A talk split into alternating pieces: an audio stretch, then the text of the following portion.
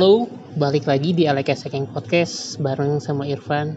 Udah lama ya nggak update lagi podcast karena pandemi juga. Saya juga agak takut kemarin-kemarin eh, nggak bisa ketemu dulu sama orang lah, nggak mau nggak mau dulu. Cuma sekarang ya mungkin udah mulai berani buat keluar. Nah sekarang saya bareng sama teman-teman kuliah saya, namanya Widow. Saya hai dulu do. Halo, halo, halo, halo. Iya. Jadi untuk saat ini kita mau ngobrolin sesuatu yang mungkin ya kalau di zaman pandemi ini tuh kayaknya penting banget lah ya. Orang-orang pada mulai eh, ya mulai memikirkan penghasilan sampingan.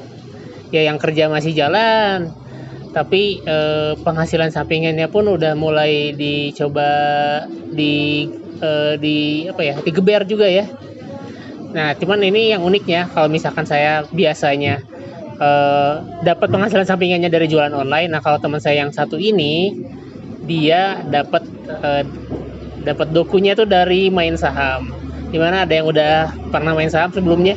Nah, kalau yang belumnya nanti kita dapat share-share dikit lah dari Wido nih yang udah dua tahun ya, dua tahun main saham. Lebih dua tahun Dari 2019 awal lah gitu ya. Itu kalau dari sahamnya. Tapi kalau eh, investasi sih mungkin ketika lulus kuliah langsung saya juga investasi. Tapi di, di bentuk yang lain gitu. Hmm, Iya nggak apa-apa cerita weh kumaha. Jadi sebelumnya bentuk di bentuk apa teh maksudnya bentuk yang lain teh? Biar, iya, biar karena memang populernya di kalangan kalangan luas itu adalah eh, tanda petik adalah ya main saham tadi ya. Tapi Hmm. kalau menurut persepsi saya ya bagusnya sih lebih tepatnya investasi aja kalau Hmm, saya sih ya. Mungkin bahasanya memang ag- kurang membumi kalau investasi itu agak terkesannya tuh rumit gitu. Tapi kalau main kan ya memang sehari-hari bis- semua orang juga melakukan kalau main Iya. lah. Kalau bisa semua orang bisa tanda petik main seperti itu ya bagus lah gitu. Mungkin tadi cerita ya kenapa Eh, saya eh, tadi investasi itu saya mulai dari lulus kuliah itu saya tahun 2010 ya saya 2010 itu saya waktu itu investasi pertama saya adalah dalam bentuk emas batangan. Kebetulan di di rumah di di perumahan itu di komplek perumahan itu ada pegadaian kantor pegadaian. Ah karena saya memang biasa hidupnya juga ya sederhana lah. Da, jarang jarang hambur-hambur uang beli barang-barang yang mahal atau gimana walaupun kadang-kadang ya perlu ya gitu ya. Tapi dulu mah ya punya uang set tabung tabung tabung kumpul belikan emas batang itu inget banget 10 gram belinya di pegadaian harganya itu adalah 5 juta gitu 5 juta sekian saya total bayar. Itu harga emasnya tuh 510 ribuan gitu ya. Gitu. Jadi saya pesen jadi barang tuh dan kita tuh belinya tuh bukan kayak beli kacang gitu. Jadi kita setor duit langsung ada barangnya. Enggak gitu. Kalau waktu itu saya beli tuh eh enggak. Jadi saya store DP dulu nggak nggak boleh langsung katanya. Jadi store DP dulu nanti nanti ketika barangnya sudah ada baru dilunasin gitu ya jadi waktu itu kurang lebih itu. Waktu itu saya beli eh, itu itu 2010 lanjut saya di tahun 2000 mungkin di tahun Tapi itu udah 2000 dapet berapa, berapa tuh dari dari eh, jualan eh, bukan beli main di emas tuh? Mas Batang. Ya Mas Batang saya yang beli tahun itu 2010 waktu itu 2010 sekarang emas itu harganya kan 920 ribuan ya. Ya hampir 100% lah ya. Ya intinya mah cukup lah. 100% jadi berarti hampir 100% gitu ya eh, cukup sebelumnya 400-an pas tahun 2010. 510 ribu Ah. sekarang Oh iya, 920 sempat sejuta tapi mau tahun ya kemarin sempat lah ya. sejuta ya. Tapi kan namanya juga Tapi sekarang masih main nggak nih?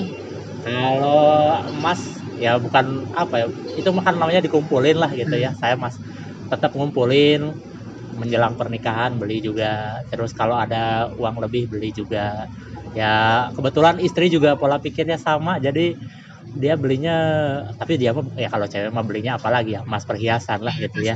Pengen yang bisa dipakai. Kalau saya mah udah emas emas yang paling paling murni dan paling tinggi nilainya emas batang aja. Nah, itu 2000 uh, bentuk investasi yang pertama gitu ya. Lalu yang kedua saya lanjut ke reksadana. Belum belum ke Bitcoin nih. Belum, belum belum ke kripto. Jadi reksadana dulu. Reksadana itu saya di tahun kalau nggak salah saya tuh di tahun 2000 eh, 2014 lah kalau salah 2014 itu eh, beli reksadana gitu. Beli reksadana pertama buka itu waktu itu saya reksadana ya karena kan reksadana tuh banyak ya tipenya. Ada reksadana yang paling kecil resikonya tapi juga paling kecil returnnya adalah eh, reksadana pasar uang sampai yang paling tinggi adalah reksadana saham. Itu yang paling beresiko dan paling besar ekspektasi returnnya gitu ya Eh, atau untungnya lah gitu ya itu nah waktu itu ya karena saya mah sukanya yang yang beresiko beresiko ya saya high high return teh ya ya. malum anak muda gitu anak muda kan Ya masih suka yang mumpung, beresiko mumpung, gitu. mumpung masih muda, mumpung Saya tanggungan masih belum masih sedikit, baru baru istri. Hmm, itu belum belum Belum apa, nikah. baru nikah Hmm. gitu gitu ya beli reksadana saham gitu ya itu 2014 lalu 2000 Tapi reksadana dulu cerita dulu nih buat Ya. yang belum tahu mungkin reksadana tuh apa sih sebenarnya beda Baik. sama sama saham tuh apa? Simpelnya. itu kamu tuh kayak beli paket gitu beli paket satu bungkus paket investasi yang dalamnya itu adalah misalnya kalau temen kalau kalau teman-teman semua beli misalnya reksadana saham berarti di dalamnya adalah eh, dalamnya adalah sah- ada saham A, ada saham B, ada saham C, ada saham D gitu. Tapi kalau teman-teman belinya adalah misalnya reksadana pasar uang gitu ya. Nah, itu tuh satu bungkus ada ada isinya misalnya deposito dari bank A, deposito dari bank B, deposito dari bank C, dibungkus dalam satu paket itu gitu. Se- sebelum lanjut nih pengen nanya dulu kalau misalkan 2010 ya 2010 teh kenapa udah berpikir untuk investasi masuknya ke reksadana eh, main emas juga gitu Ai saya mah dulu gitunya pas zaman 2010 teh masih belum ke arah sana baru ya beberapa tahun ke belakang lah. 2018 2018 2019 baru ada kepikiran ke sana. Tapi kenapa eh, yang dulu udah bisa kepikiran nih buat main investasi kenapa tuh? Ada ada yang mempengaruhinya kan naon ada tuh ya apa ya? Yang yang men-trigger saya tuh dulu tuh saya eh ya, ya memang karena saya dari dulu emang dari kecil gitu orangnya ya ya ya sederhana lah bukan orang dikasih misalnya dikasih uang sejuta ya pasti nyisa kalau saya sih. Orangnya selalu apa ya eh, menghemat gitu kalau untuk biaya tuh gitu. Nah ya terus berjalannya pas kuliah terutama pas kuliah itu triggernya salah satunya saya tuh ah saya tuh eh, mau mau skripsi gitu. Mau skripsi itu saya tuh ambil apa ya yang kira-kira effort effortnya tidak terlalu tidak maksudnya effortnya tidak terlalu besar menurut saya ya. Yang datanya istilahnya mah data sekunder gitu. Datanya itu tidak kita dapatkan langsung dari lapangan gitu. Terus ya terus simpel gitu ya. Nah, karena saya mikirnya ya yang penting esensinya dapat dari sebuah skripsi bukan hanya gaya-gayaan. Kita mengambil judul yang terlihat keren bukan. Kalau saya sih yang penting esensinya kita mengerti gitu. Eh itu ya saya tuh mikirnya ah saya coba ambil keuangan gitu ya. Oh ya saya ambil tentang eh, saham gitu. Eh ternyata dia terus ketika sambil mengerjakan skripsi saya tuh baca juga tentang apa sih saham tuh. Masa saya ngerjain skripsi tentang saham tapi saya nggak tahu saham tuh apa saya baca aja waktu itu 2010 tuh. Eh 2009 tuh. Baca gitu oh saham tuh ternyata menarik gitu ya. Ini tuh adalah sebuah eh, instrumen untuk kita mengalahkan kenaikan harga gitu ya inflasi gitu ya. Eh so kan kita mah namanya inflasi mah terus ada bakal terus ada Betul. kan. Jadi ketika harga harga barang kebutuhan udah naik ibaratnya kita teh udah punya bekalnya udah udah udah ikut ikut ikut naik juga gitu ya kita Iya, punya betul. perbekalannya gitu ya kan mungkin ya kan tahu sendiri lah dulu waktu SD kita bekal misalnya 500 rupiah Hmm. tapi bisa beli semangkok ya. bakso gitu. satu mangkok bakso. Sekarang satu mangkok bakso minimal harganya 10.000 ribu gitu. Kan berarti berapa kali lipat? Berarti kan sebenarnya nilai uang yang kita punya itu menurun. Daya beli si uang itu untuk membeli ditukarkan dengan barang itu semakin menurun gitu.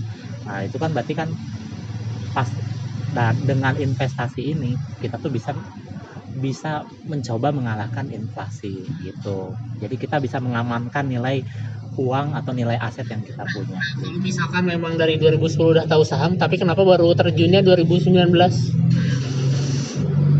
itu dia dulu tuh ya namanya juga eh, anak muda lah gitu ya. Ya. Ketika udah lulus skripsi, eh dapat kerja gitu ya, dapat kerja ya sudah kita berkutat dengan pekerjaan sehari-hari berkutat dan kebetulan kerjanya juga yang pertama itu saya di bagian di Bang, di ya di bank lah gitu ya yang yang memang ya ya bersinggungan juga dengan tentang keuangan keuangan gitu ya. Dijodoh lagi dengan dunia finansial gitu ya. Ya walaupun waktu itu lebih ke eh, gim- gimana sayanya saya bisa eh, lebih tan- eh, lebih ngurus tentang kredit gitu ya waktu itu sih. Tapi ya di situ fokus kerja ya setelah kerja apalagi lah kalau nggak main gitu ya Iya. pacaran dan lain-lain gitu ya nggak main sama teman ya tetap atau me time gitu ya gitu. Eh tapi eh, da- dari terus dari pekerjaan pertama berhenti eh, mulai mikir lah gitu ya gitu. Masa istilahnya kita tuh uang tuh habis sama istilahnya mah sama gaya hidup gitu kan. Kita dapat gaji terus kita kita habiskan untuk untuk kesenangan yang hari ini gitu. Kita belikan makanan kita belikan pakaian gitu ya. Atau apa pun itu kita beli kita nikmati saat ini gitu kan. Tapi kan kita juga perlu eh, tunda kesenangan sekarang demi kenikmatan yang lebih besar atau kesenangan lebih besar di masa depan. Nah itulah mikirnya. Mulailah saya misalnya itu saya pindah kerja eh, masuk ke perusahaan kedua perusahaan kedua ini ya mulai di situ karena usia juga udah mulai eh, udah 25 something gitu ya. Eh, sudah udah waktunya kita udah mikirkan masa depan gitu tanggung jawab ke depannya makin besar ya mulailah sisih-sisihkan gitu. Pertama tadi langsung terjun saya adalah di reksadana.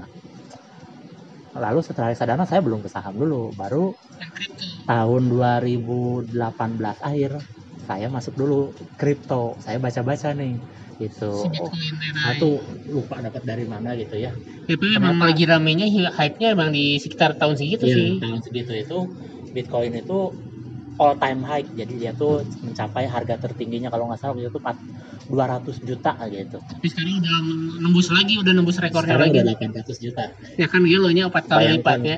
berarti tiga tahun lu empat kali lipat itulah yang namanya investasi Pengaruh Elon Musk kan.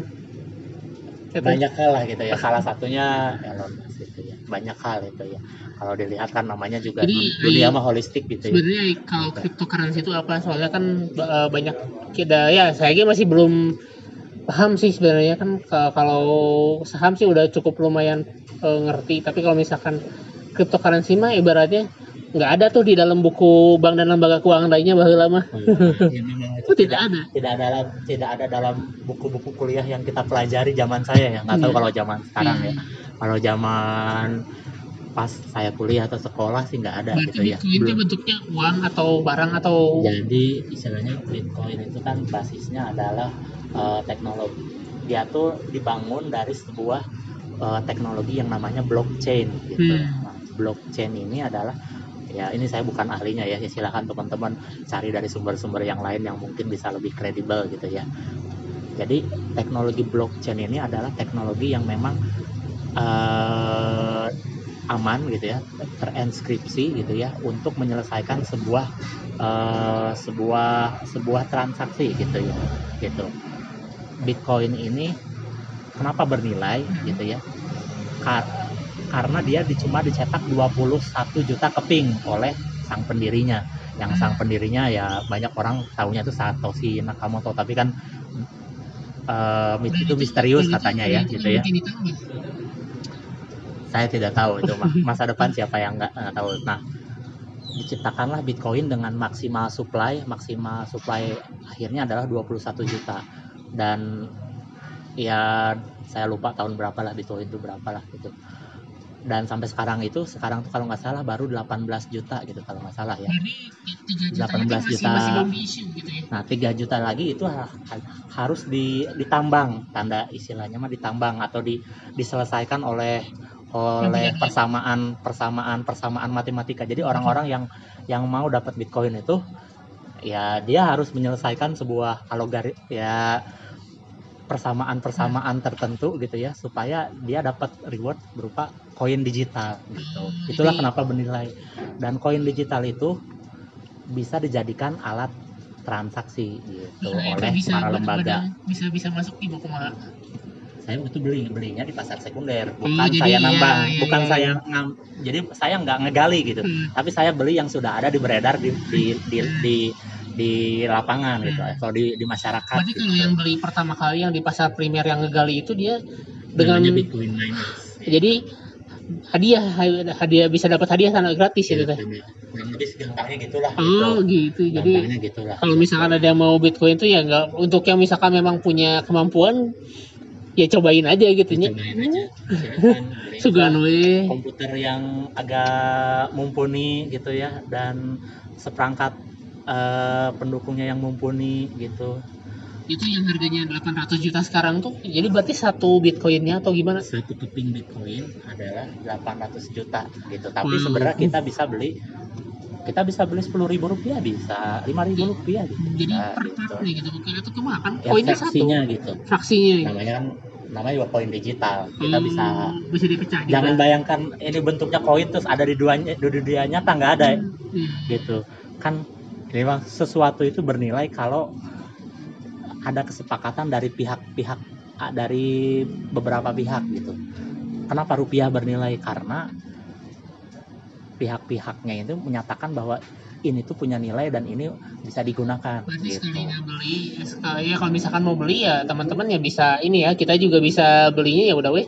Misalkan dari ya dari yang nilai Bitcoin yang sekarang ya udah weh misalkan seper 10 atau seper 100-nya gitu. bisa seper seratus juga masih besar bisa Iya. se- seper sejuta juga bisa ya Hmm. seper sejuta saya kurang tahu ya kalau beli 800 rupiah yang pasti teman-teman mau beli mau beli seratus ribu bisa lima puluh ribu bisa gitu Itu. ya ada namanya eh, istilah Aplikasi. nama blokernya lah gitu ya nah, Hmm. kalau ya yang paling terkenal ada kalau di Indonesia kan ada Indodax, ada toko kripto gitu ya. Ada pintu gitu kalau nggak salah tuh ada, ya. Itu adalah eh, perantara perantara untuk kita membeli sebuah aset digital Hmm. tadi, aset atau eh, Bitcoin lah tadi gitu. Gitu. Tapi dah saya juga tapi yang namanya Bitcoin itu kan eh, istilahnya mah dia tuh high risk high risk itu maksudnya dia tuh resikonya tinggi dia tidak ada batasan sehari naik berapa turun berapa tidak ada yang meregulasi di pemerintah di dunia ini tidak ada yang meregulasi Emisi. Bitcoin. Misalnya Bitcoin jangan nggak boleh nggak di stop dulu peredarannya nggak ada yang bisa ngatur kayak gitu. Pemerintah di seluruh dunia. Liar ya. Bukan liar gitu, itu karena itu adalah itu kebalikan. Kalau kalau kita tahunya kan mungkin sistem sentral bank Iya. bank sentral. Nah ini kebalikannya gitu. Justru Ini dibalikin ke ke Ya, kembali ke balikin. semua ke pasar masyarakat gitu ke ke pasarnya. pasar, Jadi gitu. pasar yang bisa mengatur si nilai si Bitcoin ini gitu. jangan bayangkan misalnya ada satu dua orang yang bisa mengatur harga Bitcoin jangan bayangkan gitu karena Bitcoin itu kapasitas kapitalisasinya besar gitu ya nilainya Hmm. besar jadi ya kalau satu orang beli 10 miliar belum tentu harganya naik gitu kan Hmm. Bitcoinnya gitu karena banyak faktor lah yang membuat harga naik dan turun yang pasti adalah ya supply demand lah gitu ya gitu. Terus langsung masuk ke saham Ya. sekarang. 2019 masuk ke saham. Eh coba gimana nih pengalamannya? Berarti udah udah dua tahun nih sekarang jalan. saya masih 2019 awal lah Hmm. gitu ya 2019 awal pertama kali punya akun saham gitu ya ya bikinnya juga cuma 100 ribu kok dulu sama Apanya? Bikin akunnya gitu. Sama masih sama, sama kan? sampai sampai bahkan sekarang. yang sekarang itu bisa jadi gratis gitu. Lebih mudah? Iya lebih mudah. Dan tidak perlu kirim-kirim dokumen gitu. Jadi cuman bikinnya biasanya gimana? Ya download aja install aplikasinya. Aplikasi kalau yang ya. yang paling gampang sekarang tuh Indo Premier lah itu Hmm. gitu. tahu saya Indo Premier. Itu teman-teman tinggal download aja di Play Store gitu kan. Eh, kirim data diri via digital gitu ya KTP dan lain-lain udah. Tunggu verifikasi udah gitu. Teman-teman mau top up misalnya 100.000 ribu top up sejuta juga bisa atau top up berapa juga bisa gitu. Udah teman-teman tinggal mainkan lah Tinggal main. tanda tanda tanda petiknya yang pertama dibeli ini apa? Saham yang pertama kali saya beli adalah eh, Astra Internasional udah pastilah itu ya? Karena bisa karena ya apa ya? Ya banyak banyak karena itu yang saya mengerti gitu. Karena saya Kerja di dunia saya otomotif. di dunia otomotif gitu ya. Dan Astra kan sebagai raja otomotif di Indonesia ya dan saya juga bagian dari ya dari rantai rantai bisnis tersebut gitu ya. Jadi saya kurang lebih sedikitnya mengerti lah gitu eh, bagaimana bis otomotif di Indonesia gitu. lebih gampang. Tapi sekarang udah udah lebih banyak ya. Ya selain Astra pasti udah. Oh, udah dipegang banyak pegang banyak gitu. Apalagi lagi musim pembagian dividen seperti sekarang ya saya pegang perusahaan-perusahaan yang itu tuh saham main ya, bagi dividen. bagi dividennya itu dia berarti ketika bagi dividen kita langsung bisa terima uangnya Betul. Ya sama. Gini lah. Itu mah dividen tuh bahasa kerennya lah. Bahasa gampangnya mah bagi hasil gitu ya. Hmm. Contohnya nih, misalnya teman-teman invest di bisnis gorengan gitu ya. Nanam modal misalnya 10 juta di bisnis gorengan atau satu juta di bisnis gorengan. Nggak mungkin dong cuma cuma mengendap gitu aja uang satu juta yang kita investasikan pasti kan pengen pasti kan bisnis itu menghasilkan suatu hasil gitu. Entah itu untung entah itu rugi. Tapi kan kita pengennya bisnis gorengan ini menghasilkan untung kan? Nah untungnya itu juga dibagi dong. Saya selaku selaku pemodal gitu. Masa saya udah ngasih modal tapi nggak dapat timbal balik ya sama. Dividen juga bagi hasil gitu. Saya juga misalnya saya beli saham eh, Bank Mandiri dah gitu bank yang gampang atau bank BCA lah gitu yang ada di mana-mana gitu ya. Ya bank BCA kan dalam menjalankan operasional perusahaannya kan eh, pasti mendapatkan hasil. Dan hasilnya itu ya mungkin untung laba gitu ya. Artinya mendapatkan selisih dari dia biaya sama pendapatan. Artinya pendapatannya jauh lebih besar daripada biaya. Itu namanya laba kan gitu kan. Labanya lah kita selaku pemegang saham. Artinya kita selaku pemilik salah satu pemilik dari sebuah perusahaan kan berhak minta berhak mendapat bagian dari laba tersebut gitu. Maka itu itulah Namanya devi- dividen. namanya dividen gitu. Tapi untungnya saham itu bukan cuma dari dividen dari dividen tapi ada satu lagi. Eh, potensi keuntungan dari sebuah saham itu bukan hanya dari bagi hasil atau dividen tadi tapi dari kenaikan harga oh, bukan kenaikan harga tapi dari selisih harga beli dan harga jual. Harga beli kita sama harga jual jadi Atau beli kenaikan jual- harga beli sahamnya. Ya misalnya kita beli harga bank BCA di di angka misalnya 20.000 gitu ya. Jual di harga sekarang di angka 30.000 sekian oh berarti kan itu untung lah udah pasti gitu. tapi kalau misalkan kayak gitu berarti kalau misalkan main saham tuh dia bakal eh, butuh dia bisa naik turun juga kan? Bisa. Bisa naik turun juga ya. Nggak maksudnya nggak trennya nggak kayak emas yang ka- terus-terusan naik gitu kan? Ada turunnya Ada turunnya. iya. Cuma maksudnya kan trennya ya selalu seperti itu tapi kalau saham nggak nggak kayak gitu ya. Berarti bisa anjlok anjlok banget. Ya saham ini bisa ja- jauh lebih lebih fluktuatif gitu ya daripada emas gitu ya. Konteks dalam Iya. konteks emas itu adalah emas emas emas batang ya, Hmm. bukan emas emas di emas digital yang diperdagangkan di pasar sekunder bukan gitu ya. Nah, saham ini kenapa bisa jadi naik turun? Karena ya tadi adanya supply dan demand. Ada ada yang mau beli, tapi ada yang mau jual gitu tiap hari bukan tiap hari ya tergantung pada setiap eh Senin sampai Jumat ya kalau di Indonesia mas setiap hari itu ya pasti ada aja saham yang mau beli dan mau jual untuk saham-saham yang Berarti memang mah kita mayoritas kalau saham kita gitu. kalau misalkan mau aktif dapat eh, laba tuh ya mainnya cuma main jual beli aja udah gitu. Betul. Gitu kalau karena kalau nunggu dividen mah kan eh, nggak setiap hari dan ada Dividen ada waktu-waktu tertentu kan. dividen itu biasanya kalau ya setahun sekali atau setahun dua kali lah iya gitu. itu mah kan berarti kan Bagi pasif lah itu, ibaratnya. ya, itu mah pasif. Itu juga kalau kita Itu- masih pegang sahamnya di tanggal update gitu kalau enggak ya itu tapi Kita biasa dapat berapa tuh kayak dividen dividennya dividen itu ya tergantung perusahaan yang kamu beli iya ya misalkan aja Widow dapat berapa ya, gitu. bisa Eh, saya saya jujur nggak pernah ngitung berdividen yang saya dapat tapi dan saya juga nggak pernah nggak apa ya saya juga bukan terlalu orang yang ngincer dividen lah sebenarnya. Saya lebih suka jual beli cari capital gain atau jual eh, jual beli lah gitu ya. Kalau ya itu sorry dividen ya? Gitu ya. Ya kalau div- dividen itu ada yang bagi dividen. Misalnya Irfan punya eh, saham Bank Mandiri misalnya di harga 6.500 gitu ya. Nah, sekarang itu Bank Mandiri itu bagi dividen itu kurang lebih dividen yieldnya di angka 5% gitu ya. Artinya dari dia tuh bagi oh sorry bukan bukan bukan 5% tapi 3 3 persenan gitu ya.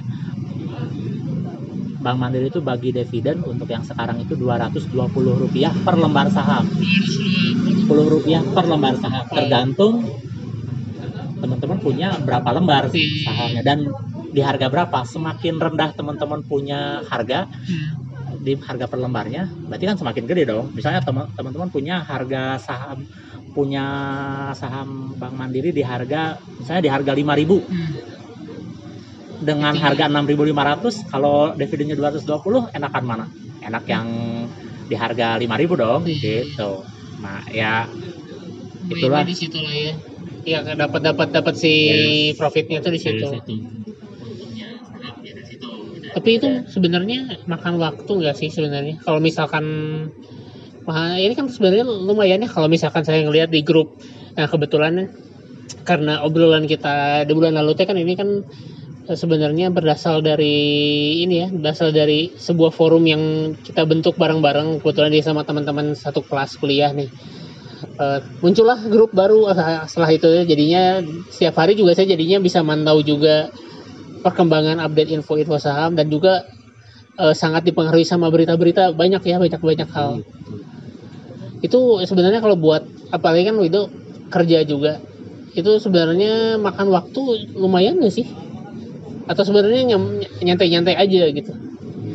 Tergantung ya tipe ti- tipe yang seperti apa. Tapi kalau untuk saya sih tidak terlalu tidak terlalu makan waktu ya kalau untuk saya gitu ya untuk saham ini kenapa ya ya kalau sekarang kalau kan sekarang tuh namanya ba- ba- banyak online trading gitu ya. Jadi eh, kalau kamu misalnya bekerja sebagai misalnya karyawan ya di suatu perusahaan gitu ya.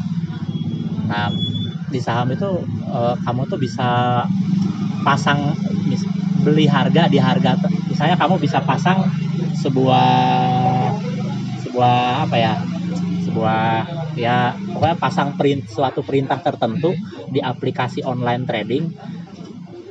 Misal kamu mau beli hak saham A di harga berapa? Sebanyak berapa? Itu bisa. Dan jual di harga berapa? Sebanyak Bisa, apa? bisa. eh, auto comment gitu ya? Bisa jadi bisa kita gitu lah oh istilahnya. gitu. Jadi ketika si saham itu harganya lagi segitu langsung kebeli gitu? Bisa. Oh, itu mau beli mau jual, Jadi karena- banyak karena zaman digital oke kan jadinya jadi segala bisa diotomas eh, diotomasi juga jadi kalau misalkan eh, ngatur saham pun bisa kayak gitu ya misal eh, misal hari Senin nanti misalnya kita pesimis misalnya kita Hmm. punya saham A tapi hari Senin nanti kita pesimis nih bahwa Hmm. saham A ini akan turun harganya Hmm. kita pengen jual kita bisa pasang perintah jual itu dari dari weekend dari hari Sabtu dan Minggu sebelum market buka. Gitu. kita pasang kita pasang perintahnya kita eh, bakal jual di harga berapa eh, berapa banyak gitu. Bisa itu gitu. Lebih nyaman tinggal ya berarti ngatur ininya juga ya ngatur kita buat bisa mantau pemberitaan info-info yang kemungkinan bisa mempengaruhi harga saham silakan bagi kalau yang suka baca selalu baca berita baca-baca itu. Tapi ya kalau saya sih ya tidak semua berita tentang saham juga saya baca gitu ya. Memang yang memang yang yang interest saya maksudnya yang interest. Iya. misal saya lagi pegang saya saya pegang sahamnya saham Adaro batubara. Ya kalau ada berita, ada berita tentang Adaro Adaro Energi saya baca ini kenapa? Atau sebelum saya beli Adaro dulu saya lihat dulu gitu. Lihat dulu perusahaan ini perusahaan apa bisnisnya apa gitu ya. Terus sekarang histo- histori harganya gimana? Gitu kan. Terus ya kondisi market sekarang gimana gitu kan baru saya beli gitu. Banyak hal lah gitu kalau sebelum sebelum dalam kita memutuskan sebuah inves- investasi baik itu beli maupun jual ada banyak hal yang perlu dipertimbangkan menurut saya gitu ya. Itu menurut saya. Jadi enggak ya walaupun sebenarnya beli saham sekarang mulai dari 100 ribu juga bisa ya. Bisa. Tapi banyak yang bisa dibeli di bawah 100 ribu banyak. Oh gitu? Banyak gitu. Oh, itu menarik sih. Jadi bisa ngasih insight juga. Jadi mulai sekarang mah kalau katanya waktu kemarin kita ada forum yang saham itu katanya berarti dulu mah se- beli saham tuh harus lumayan mahal. dulu itu beli kan beli saham itu Hmm. satuannya lot gitu ya Iya. lot itu satu lot itu sekarang itu adalah 100 lembar saham Iya. kalau dulu setahu saya 1000 1000 lembar jadi sebelum 100 ini atau 500 sorry Iya. 500 lembar saham zaman saya skripsi itu kalau nggak salah 500 lembar gitu ya satu lot itu 500 lembar Oke, ini ini tolong koreksi kalau salah ya gitu ya nah kalau sekarang ibaratnya kenapa sekarang saham itu jadi lebih membumi gitu ya Hmm. Nah, tadi yang benar dikatakan oleh Evan benar itu ya. Teman-teman punya duit 100 ribu, cari aja harga saham yang di bawah 100 rupiah per lembar, gitu kan? Hmm. Bisa kan? Gitu kan? Kebeli itu. Bisa Misalnya satu, contohnya beli bisa bisa dapat satu lot itu teh. teman-teman tahu friend, smart friend, Smart friend ya, smart friend. Harga sahamnya di bawah 100 per lembar. Wow, wow, wow. Gitu. Iya, iya, iya. Kalau misalnya di angka 80 rupiah gitu Ya, lembar. untuk- ya berarti kalau beli 100 berapa? Ya kan? Cuma Untuk ada- belajar cuma- mah kepake lah ya gitu ya untuk saat ini belajar ngelihat ya ngelihat fluktuasi harganya terus nanti nyoba buat ya. jual belinya Ya, Kayak gitu ya? Hmm. dengan uang kecil itu beda psikologisnya. Iya, Teman-teman membeli suatu saham 100 ribu iya. dan itu turunnya misalnya turun 50 ah cuma 50 ribu Iya. dong gitu kan. Tapi dengan kalau teman-teman punya duit misalnya satu miliar, harga sahamnya turun 50 turun 500 juta gitu. Kan beda psikologisnya gitu. bener, bener, bener. Beda psikologisnya. Jadi ya itu memang kalau ya buat awal mah ya ya itu bisa start small lah bisa dicoba. Karena misalkan udah paham, udah bisa memahami cara kerjanya si hebatnya kalau misalkan kita bahasa sekarang algoritmanya gitu kan kita itu ya kan bagusnya mah dalam kita mau melakukan sesuatu atau terutama investasi ini lebih baik pelajari dulu eh, pelajari dulu deh gitu kan pelajari dulu ini tuh investasi apa yang kita apa yang kita jadi beli nggak beli kucing dalam karung lah Betul. ibaratnya mah.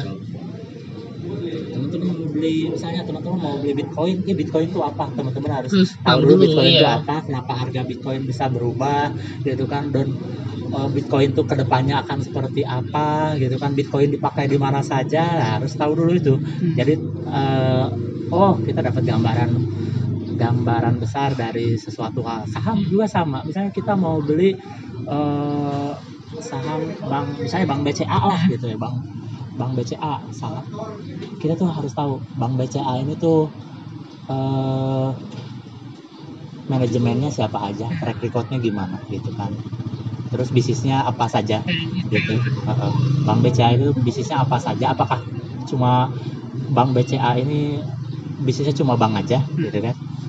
Terus eh, eh, dia tuh eh, berapa eh, untungnya? Satu tahun berapa marginnya gitu ya. Ya itu kalau menurut saya tuh penting untuk diketahui. Terus punya berapa banyak cabang gitu ya gitu ya. Ya intinya kita tahu ya bisnisnya lah. betul berarti kalau misalkan bedanya saham sama reksadana saham tadi kalau eh, saham sebenarnya kita pantau sendiri. Kalau reksadana saham itu kan udah diatur gitu karena udah dalam paketan. Iya, iya. jadi kita tuh uh, beli ke seorang pedagang gitu ya. Seorang pedagang yang punya yang dia tuh jualan paket makanan Iya, gitu, gitu. ya. paket makanan gitu. Nah di dalam paket ma- makanan itu dia yang ngaturin. Hmm. dia mau beli apa saja apa saja. Yang di dalam paket itu tuh dia yang ngaturin. Misalnya kalau reksadana saham. Misalnya Irfan di jadi kita tuh belinya tuh lewat manajer investasi. Kalau reksadana tuh manajer investasi. Nah manajer investasi itu berarti kalau saham nggak ada. ya itu keputusan masing-masing. Oh, kalau saham gitu. mah, gitu. mak teman-teman jual teman-teman beli di harga berapa beli berapa ya itu keputusan masing-masing. Hmm. kalau reksadana teman-teman itu belinya itu ti- ya teman-teman tuh milihnya adalah ya tadi pertama mau beli reksadana saham campuran pasar uang atau pendapatan tetap. Nah di itu tuh terus di dalam itu tuh ada lagi si penjualnya siapa penjual dari misalnya manajer investasinya siapa. Misalnya manajer investasi dari eh, aset manajemen A aset manajemen A itu punya produk misalnya XYZ nah di dalam produk reksadana saham XYZ ini dalamnya tuh ada saham BB, CC, DD gitu. Nah itu kita yang milih. Tapi misalnya eh, ke depannya dia ganti mau beli di dalam produk tersebut di dalam reksadana XYZ ini dia mau ganti nih. Saya nggak akan saham BB, CC, DD. Saya mau mau ganti FF, GG, HH bisa gitu dia dia tanpa persetujuan kita gitu. Oh, gitu. Tanpa persetujuan kita selaku investor. yang paling kita, yang kita tahu mah kita tanamin si modalnya segitu aja ya. Berarti mah kita nitip uang nanti Iya udah sok gitu. mangga lah gitu ya, sok pamasyarkeun naon lah gitu ya. gitu ya, gitu. tinggal kitanya yang ngatur kita mau eh, nitipin duit kita atau investasiin duit kita ke manajer investasi yang mana gitu Jadi kita Tergantung kita yang milih, reksadana gitu. saham kita milih manajer investasi. ya Kalau misalkan eh, yang saham produk tadi, sebenarnya, iya. milih produk milih produknya gitu. Iya. Iya maksudnya milih-milih yang buat ngaturnya, tapi kalau misalkan saham kita langsung detail ke langsung ke Ya, kita orang-orang langsung ke ke saham-sahamnya gitu. ya. Langsung Nggak harus nitip-nitip lagi gitu ya. keputusan jual keputusan beli kapan jual kapan beli berapa banyak berapa eh, banyak beli Tapi tergantung masing-masing yang gitu. sekarang yang sebelumnya udah pernah dijalanin kayak emas, eh, reksadana saham, kripto masih punya juga nggak sampai sekarang? Atau udah dijual semua tuh? punya semua Punya semua. yang saya beli eh sorry emas batangan yang saya beli dari tahun 2010 pasti saya punya dan pasti nambah reksadana yang saya beli di tahun 2014 Dan itu masih masih masih punya masih awet belum belum Kripto masih punya. lagi. Sama sih ada. Saya bukan tipe apa ya tipe yang aktif gitu ya. Aktif setiap hari atau hitungan menit hitungan jam. Saya jual saya beli Hmm. gitu enggak gitu. Saya sih ya kalau saham Sampai ya meni- kalau saham ya sehari lah gitu ya. Atau kalau ya saya lebih lebih kalau banyak orang bilang saya mah lebih tipikalnya ke investor lah gitu. Bukan trader gitu Kalau trader trader mah mah kan, banget kan. ya, yang harus aktif, gitu. mantau banget si pergerakan banget ya itu di seharian tuh. ya. itu kalau trader dia frekuensinya jauh lebih tinggi gitu ya mungkin eh, beli hitungan menit hitungan detik bisa jadi dia Tapi kalau misalkan kan ini ibaratnya mulai mulai main investasi dari 10 tahun ya 11 tahun berarti ya, 10 tahun 11 tahun. Hmm. Ya be- be- apa beres kuliah kan 2010. Berarti ya sekitar segitu. Eh, udah dapat apa aja dari investasi? Udah udah ada yang diambil dan dimanfaatkan atau justru simpen aja buat nanti? simpan di, di, dibiarin aja di, maksudnya di Biar tumbuh, nggak usah, ya. nggak usah nggak usah dilikuidasi gitu kan Likuidasi mau likuidasi likuidasi buat kapan? saya buat apa emang Toh saya Jadi masih punya misal Masih karena- punya masih karena punya ya. investasi itu a- kalau saham tadi dan lain itu bukan buat saya bukan sumber pemasukan Hmm. itu ada investasi nanti aja saya kalau memang eh, mungkin eh, saya nilai waktunya tepat gitu ya. Hmm. sekarang saya masih punya sumber pendapatan lain dari gaji gitu ya. Ya itu aja saya mah hidup itu juga mas. Alhamdulillah lebih gitu ya buat saya hidup mah gitu. Gitu. Dan banyak orang dan kalau kata investor investor ternama ya kata Warren Buffett mah itu dia sendiri pegang saham itu kesukaannya adalah memegang selama lamanya gitu. tidak hitungan bulan baru dia jual enggak Hmm. gitu Oke.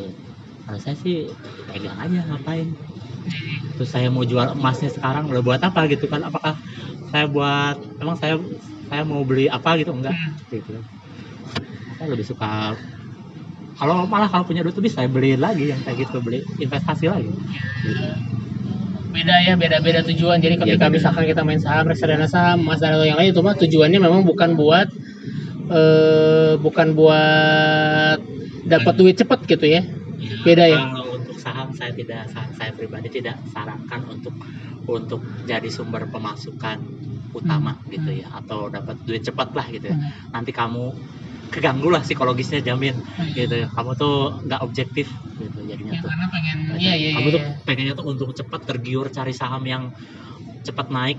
Nah, tapi yang saham yang cepat naik itu bisa cepat turun juga Hmm. ingat gitu. High risk high return gitu. Gitu. Jadi ya memang dunia saham ini ya. terlihat dari luar tuh orang wah kalau dikesankan itu orang-orang yang yang wah orang-orang yang tajir gitu ya orang-orang yang oh, pintar banget ya gitu ya. Padahal enggak juga tuh gitu kan.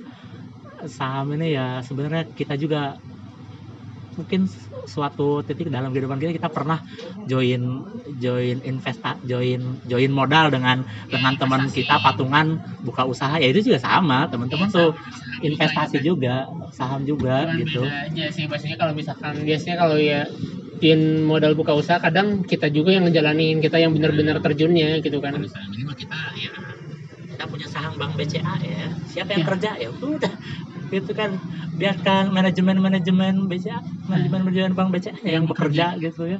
Jadi kita sekarang sampai sekarang kita pun belum pernah ngitung nih.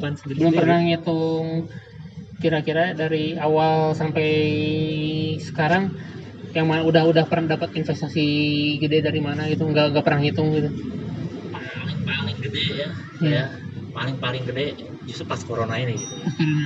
banyak orang bilang kalau ekonomi lagi lagi bagus atau bullish market itu eh, gampang cari untung. Hmm. tapi pas ekonomi lagi crash jauh lebih. Lebih mudah lagi. Jauh jauh lebih terbuka peluangnya Hmm. gitu. bukan mudah ya tapi jauh lebih terbuka peluangnya. Asal te- asal tepat timingnya gitu menurut Hmm. saya gitu. Itu di corona ini paling tinggi saya untung di angka 250% invest di saham nikel gitu ya. Itu perusahaan kira-kira nikel. bisa iba- ibaratnya diduitin wes sakumaha gitu. Kan ibaratnya kalau misalkan buat orang yang awam mah kadang pengen tahunya dari segi Ya. nilai-nilai nominal Ya, duitnya saya- rupiahnya nih. Ya kalau saya itu masuknya nggak gede. Saya memang nyesel juga ini. Iya. di saham juga eh, di saham nikel ini ya. Harum nah, eh, nama perusahaannya tuh. Harum Energi. Ya gitu ya. Harum Energi. Saya waktu itu nyesel cuma masuknya posisinya nggak banyak. Hmm. masuknya juga nggak sampai nggak sampai seperlima seperlima jumlah dana yang saya punya dari 250 persen ini saya lupa harga rata-rata berapanya berapa. Yang pasti saya untungnya itu 26 juta gitu. Wow. 26 juta 6 Selama bulan. corona? enam bulan? 6 bulan. Nggak corona cuma 6 bulan itu. 26 Tapi itu juta. ya rencananya udah itu tuh udah dipotong pajak dan lain nah kalau Oh, di di saham di online trading mah itu tuh udah otomatis dipotong Oh, pajak oke, gitu, oke. gitu. Kami, kami transaksi itu udah pasti ya itu return menurut saya yang saya pribadi paling gede 250% selama enam bulan. Hmm. cari in- instrumen investasi tradisional teman-teman nabung di bank setahun itu cuma tiga persen. Iya, setahun tiga persen. Deposito paling tinggi 5 atau 6 persen gitu. Ini teman-teman bisa 250 persen 6 bulan gitu ini saya bukan melebih-lebihkan tapi saya juga pernah rugi gitu. Pernah rugi ya pasti pernah gitu. Rugi saya paling gede ya. Rugi yang terrealisasi ya yang paling gede. Rugi yang terrealisasi paling gede itu saya ada di angka di salah satu saham ya. Ya satu juta. Tadi kan- Ya, ya satu juta ya lumayan lah buat saya buat saya yang sumber utama penghasilannya adalah gaji gitu ya Iya. ya buat saya sih lumayan gitu buat saya pribadi sih lumayan tapi udah siap ada tapi resikonya. saya sudah tahu resikonya ada resiko karena kalau saya tidak potong itu itu kerugiannya bakal jauh lebih gede lagi. Jadi harus Ada namanya ya. cut loss ya. Oh gitu. Iya, namanya kan kita juga harus berani kalau investasi kita ternyata tidak membuahkan hasil Langsung harus langsung Ya udah. Daripada daripada daripada rugi 2 juta ya mending rugi satu juta. Daripada rugi satu juta ya mending rugi lima ribu. Ya pokoknya rugi itu sekecil mungkin. Bahkan kalau bisa jangan rugi. Gitu. Jadi itu mah makanan sehari-hari rugi 100 ribu gitu rugi segitu mah udah biasa lah gitu. Kalau gitu lu sekarang Saya- terakhir nih, terakhir. Tips buat yang mau mulai investasi, ya entah investasinya mau mulai di mana dulu nih buat teman-teman yang saat ini bekerja ya saya lagi sama termasuk yang belum investasi banyak di pasar modal ataupun yang eh, seperti itu. Paling kayak sama investasinya ya jualan gitu karena memang eh, jiwa dagangnya ya nadinya gitu. Tapi kalau misalkan buat buat yang pasar modal gimana nih? Jiwa dagangnya mungkin belum sekencang Irfan lah kalau saya. Ya kalau mau yang investasi ya teman-teman harus eh, pertama kenali diri diri diri sendiri dulu. Teman-teman tuh tipenya tipe risk taker atau bukan? Pengambil resiko atau bukan? Gitu. Yang kedua eh, pahami diri itu adalah seberapa banyak eh, dana yang teman-teman mau investasikan. Dan dana ini amit-amit kalau kalau ada kejadian apa apa teman-teman tuh bisa rela gitu. Dan teman-teman tuh nggak keganggu psikologisnya lalu teman-teman pelajari lah gitu apa yang mau teman-teman investasikan. Sama misalnya teman-teman mau beli emas batang ya pelajari emas batang itu seperti apa gitu. Cara belinya di mana gitu. Cara nyimpennya gimana gitu kan. Terus har kenaikan harganya berapa atau sama atau kayak teman-teman mau invest misalnya tanaman. Sekarang kan lagi tan musim tanaman gitu ya. Ya, lidah mertua dan lain-lain janda bolong gitu ya ya teman-teman pelajari gitu si si barang investasi ya Iya, kalau ada yang memaknai itu sebagai bentuk investasi ya monggo gitu sih. Gitu. Pelajari dulu, pelajari dulu gitu ya. Banyak timba ilmu gitu. Sekarang ada ada YouTube, ada media sosial, Mbak. Ada TikTok, ada Instagram, ada podcast sekarang kita ya. podcast gitu ya yang mungkin yang Irfan Gagas luar biasa ini silahkan pelajari dulu gitu ya. Lalu buka akun. Silahkan start small gitu ya. Artinya eh, mulai dengan yang kecil dulu gitu ya dana kecil. Lalu sudah dapat eh, feel-nya lah gitu ya. Tingkatkan sedikit demi sedikit. Itu dan bedakan ya ada kalau teman-teman misalnya tipenya memang suka yang beresiko ya bedakan lah kalau menurut saya mana yang untuk investasi mana yang untuk trading gitu mana yang untuk jangka panjang mana yang untuk jangka pendek gitu mana ya Oke deh, thank you nih buat Wido. Nanti next time kita ngobrol-ngobrol lagi, tapi eh, bahasannya mungkin kita coba racik lagi yang seru apa nih, yang, yang mungkin nggak jauh dari kehidupan para milenial-milenial pekerja kayak kita lah. Betul gitu ya. Semoga yang kita bicarakan sekarang bisa diambil positifnya dan bisa bermanfaat bagi yang Amin. Mendengarkan, gitu, Luar biasa ya. ya, oke eh, cukup sekian aja untuk episode podcast Alekasing kali ini. Sampai ketemu di kesempatan berikutnya. Bye bye.